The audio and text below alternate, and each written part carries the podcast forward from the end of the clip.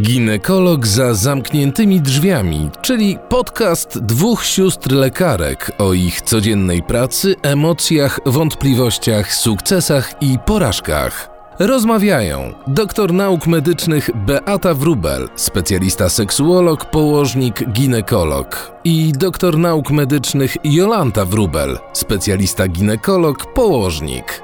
Dzień dobry. Dzień dobry. Witam Cię, moja siostro, pani doktor ginekolożko, w rozmowie pod tytułem Ginekolog za zamkniętymi drzwiami. Podkreśl, że jest to pierwsza nasza rozmowa nagrywana. Absolutnie pierwsza, pierwsza mam nadzieję z serii podcastów. I chciałabym Cię zapytać, dlaczego, po co chcemy nagrywać ten podcast i opowiadać o naszej pracy za zamkniętymi drzwiami. No ty mnie pytasz, dlaczego chcemy. Przecież to jest twój pomysł. No pomysł jest mój i ja wiem dlaczego, ale czy ty jesteś do tego przekonana? A jeżeli tak, to co najbardziej cię przekonało do tego, żeby zacząć ze mną rozmawiać? Bo ja edukuję całe moje życie zawodowe. Ty całe życie zawodowe spędziłaś w szpitalu, na sali operacyjnej, na sali porodowej, w ciężkiej, hardkorowej harówie. Ja połowę mniej lat spędziłam na sali szpitalnej. Natomiast więcej pisząc, tłumacząc, wykładając, edukując, pracując naukowo. Więc co Ciebie przekonało do tego, aby ze mną rozmawiać?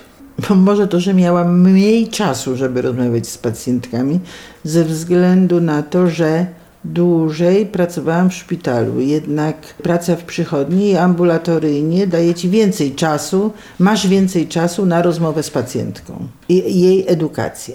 A myślisz, że to tylko czas? Czy coś się zmieniło? Czy coś się zmieniło przez lata Twojej pracy? Coraz częściej słyszymy o złych relacjach między ginekologiem, położnikiem a pacjentką. Kobiety skarżą się, że są nierozumiane, że są źle traktowane. Już nie wspomnę o, o relacjach z sali porodowej. Spędziłaś na sali porodowej całe swoje zawodowe życie. Co takiego się stało, Twoim zdaniem? Czy może się dzieje, a może się dopiero zaczyna dziać, tak że będzie jeszcze gorzej? No wiele się zmieniło. Zmieniły się oczekiwania pacjentki. Przyczynił się do tego internet, inna świadomość i inne przede wszystkim oczekiwania. Czy to jest lepsze, czy gorsze, trudno mi jest powiedzieć, ale tak jest. Obecność rodziny najbliższej przy porodzie, męża czy partnera, też dużo zmieniła, chociaż to już trwa kilka lat. Przygotowanie internetowe do porodu też ma wpływ na oczekiwania pacjentki. Natomiast przedtem, te 30-40 lat temu, pracowaliśmy inaczej.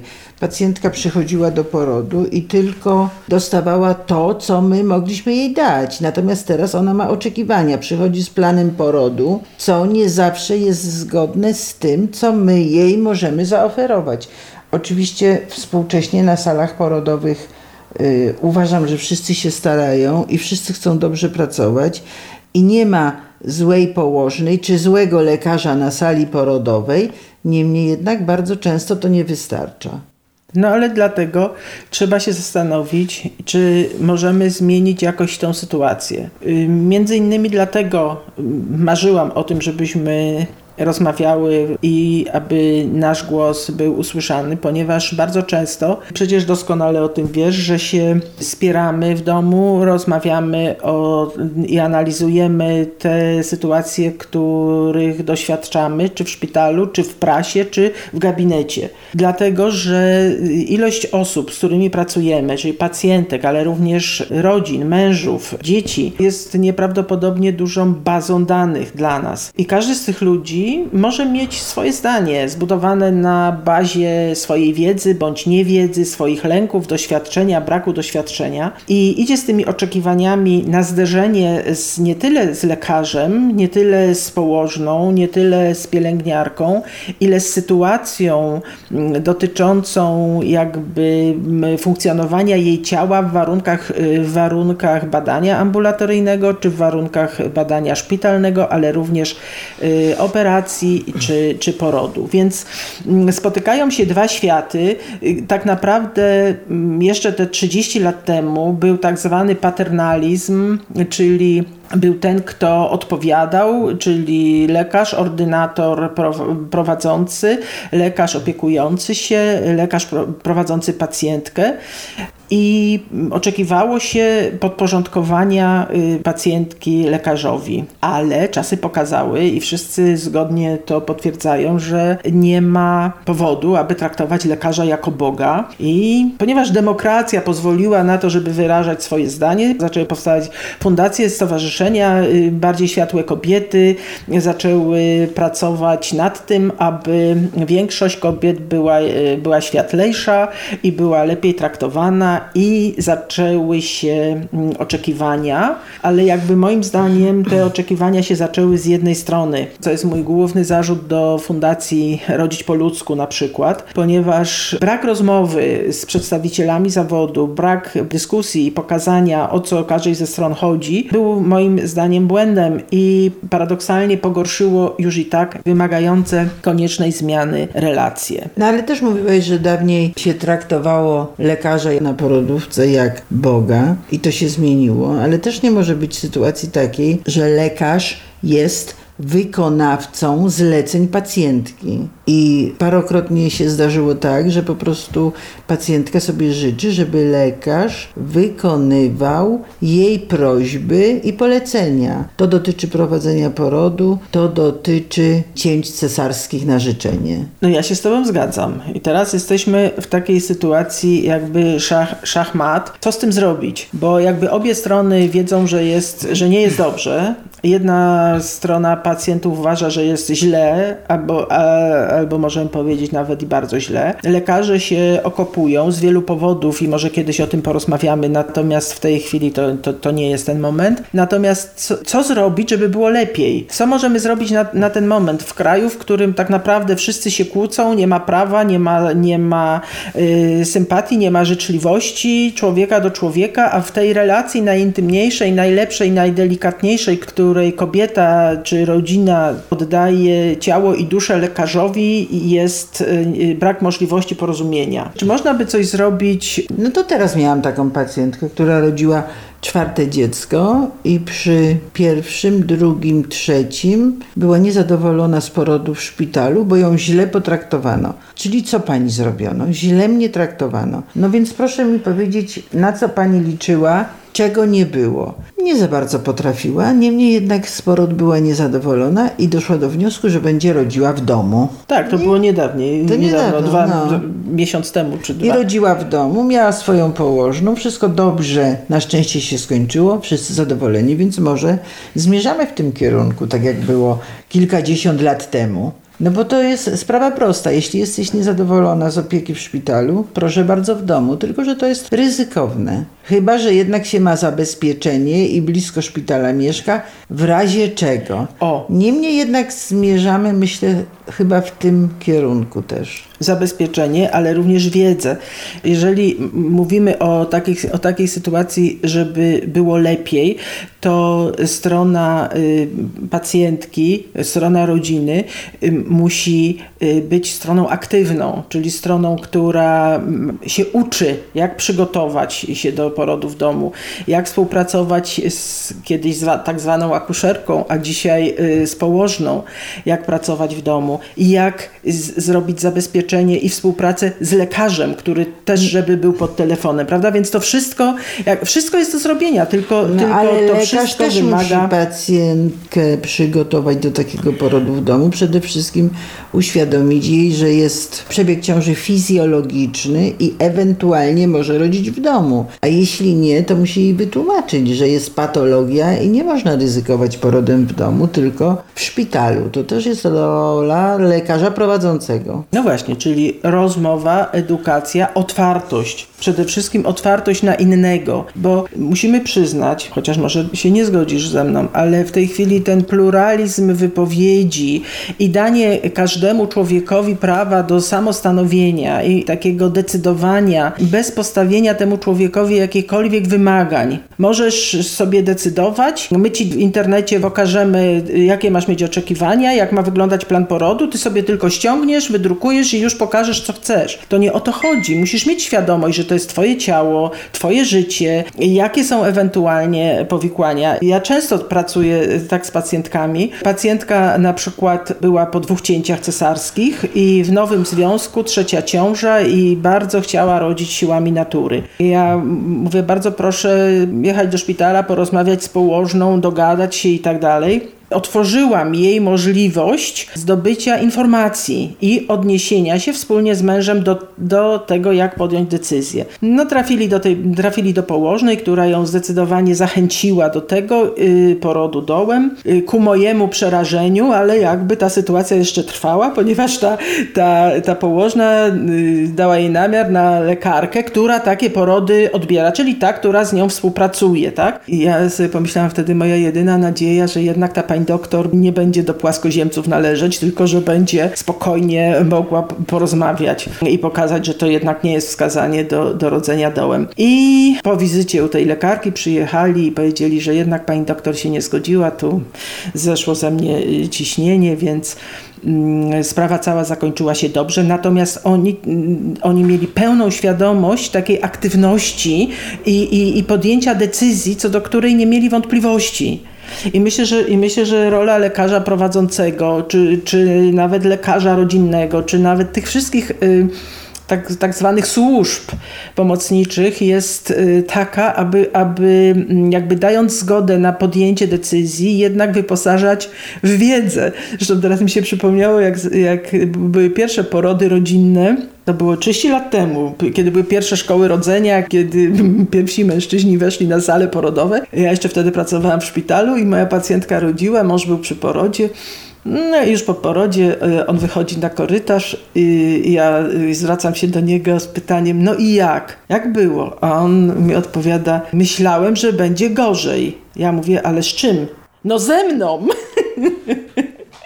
Więc, więc tak naprawdę w tej sytuacji każdy, mm, każdy my, patrzy przez swój pryzmat. I, I, jakby to też jest ważne, żeby, żeby wytłumaczyć tym, profesor Cekański na przykład, był, to, był wspaniałym położnikiem, a y, przez wszystkie lata, odkąd y, ostatnie chyba 20 lat jego życia były, mm, był przeciwny porodom, y, był przeciwny udziałowi męża przy porodzie, albo promował udział męża na szczególnych zasadach, ponieważ on, i tutaj wypowiem się jako seksuolog, y, gdzie zaświecę czerwone, y, czerwone światło, że naprawdę, że poród jest naprawdę ciężkim biologicznym doświadczeniem pełnym krwi, moczu i, i kału mało i mało estetycznym. Jeżeli taki obraz kobiety, tego mężczyzny zostanie w jego głowie, to bardzo źle rokuje dla przyszłości związku po prostu.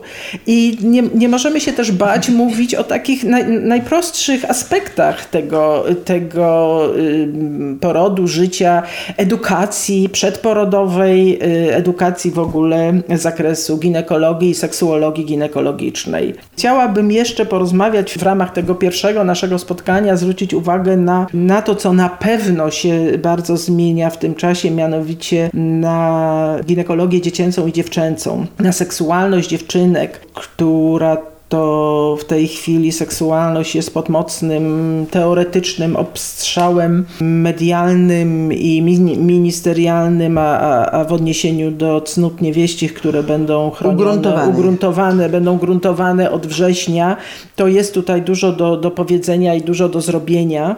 Ja mam ostatnio dużo więcej pacjentek, y, matek z dziewczynkami, y, które to matki, jakby brzydkie słowo to jest, ale tak to jest, przyprowadzają te dziewczynki, czasami nawet, y, to są takie 12, 14, 16, czasami młodsze, ale mam wrażenie, że te dziewczyny są tak po prostu przyprowadzane przez te matki i to jest bardzo brzydkie określenie, ale tak to czuję i tak to wygląda w trakcie przebiegu wizyty dziewczyna jest y, nieprzygotowana, zawstydzona, yy, wie o tym, że ma prawo, bo w tej chwili dzieci są uczone tego, że mają prawo, więc ta dziewczyna wie, że ma prawo się nie zgodzić na badanie, nie wyrazić zgody na poddanie badaniu lekarskiemu. Więc nawet jeżeli przyjdzie i już wejdzie do tego gabinetu, to powie, ale ja się nie rozbiorę i co mi zrobisz? I tutaj jest sytuacja bez wyjścia, bo te matki przychodzą z córkami, które,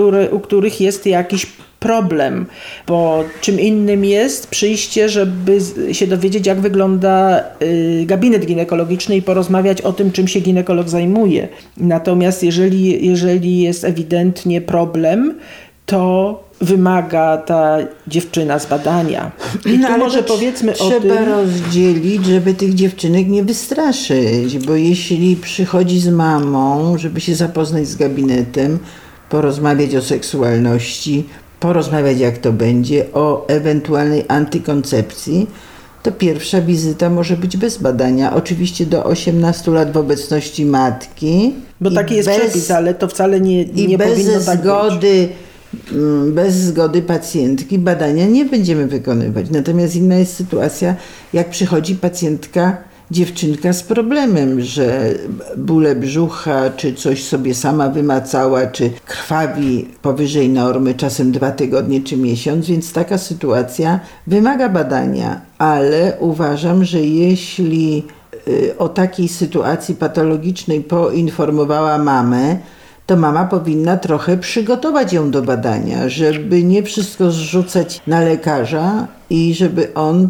tłumaczył dziewczynce, że jest to konieczne. Tutaj widzę rolę matki. Także możemy rozgraniczyć, badać, jeśli się coś dzieje, a odstąpić od, od badania przy pierwszej wizycie, jeśli to jest rozmowa czy edukacja. Tak, zdecydowanie takie rozgraniczenie powinno być, a na pytanie, przecież się pacjentki pytają, Pani doktora, kiedy, jak Pani uważa, kiedy powinnam przyjść z moją córką? No te, te nasze pacjentki, które są latami pacjentkami, mają tą otwartość i wtedy im się wyjaśnia, no czy coś się dzieje, no nie dzieje się, to, to proszę przyjść, to zobaczę jak wygląda gabinet, jak wygląda ginekolog, zobaczę jak wygląda fotel, może się położyć w ubraniu. No nie naciskać, ale tak podprowadzić można. Może ma jakieś problemy, może ma jakieś pytania dziewczynka, mama nie potrafi jej wyjaśnić, to wtedy zapraszamy. Ale też nic na siłę. Jeśli się nic nie dzieje, no to nic na siłę. Absolutnie nic na siłę. Kiedyś, przysz, kiedyś taka pacjentka też moja przyszła z córką szesnastolatką i ta dziewczynka była tak niegotowa, tak nie chciała, tak, tak miała wewnętrzny opór, że mm, absolutnie odstąpiłam nawet od rozmowy. Po prostu trzeba uszanować dziecko i trzeba wiedzieć, mm, w takiej sytuacji, co powiedzieć matce, na co ma zwrócić uwagę i jak obserwować. No ale również trzeba uświadomić i dziewczynka musi mieć świadomość i matka też, że jeśli się coś dzieje, to trzeba przyjść od razu. Trzeba przyjść od razu, ale nie tylko przyjść, ale również wyrazić zgodę na badanie. I teraz, może teraz jest najważniejszy moment, ten taki, którego boją się rodzice, boją się matki. Może powiemy, jak wygląda badanie dziewczynki, że nie należy patrzeć na badanie dziewczynki przez ginekologa, jak na badanie dorosłej kobiety, bo to są zupełnie dwa różne badania. To przede wszystkim trzeba zacząć od oglądania. Najważniejszym elementem badania ginekologicznego dziewczynki jest oglądanie Oglądanie. Nikt, rodzice muszą pamiętać, że nikt, żaden ginekolog na siłę nie stoi i nie wpycha do pochwy wziernika, mm, bo, bo najczęściej nie o to w tej wizycie chodzi w tym momencie. Czyli, czyli po pierwsze jest oglądanie. Oglądanie drugie... bez dotykania może być, czyli to nie powinno budzić żadnego lęku. Tak, oglądanie bez dotykania. Kolejny etap. Następny etap, jeśli jest taka konieczność, coś się dzieje, to bada się takie dziewczynki przez odbyt. Druga rzecz. Trzecia.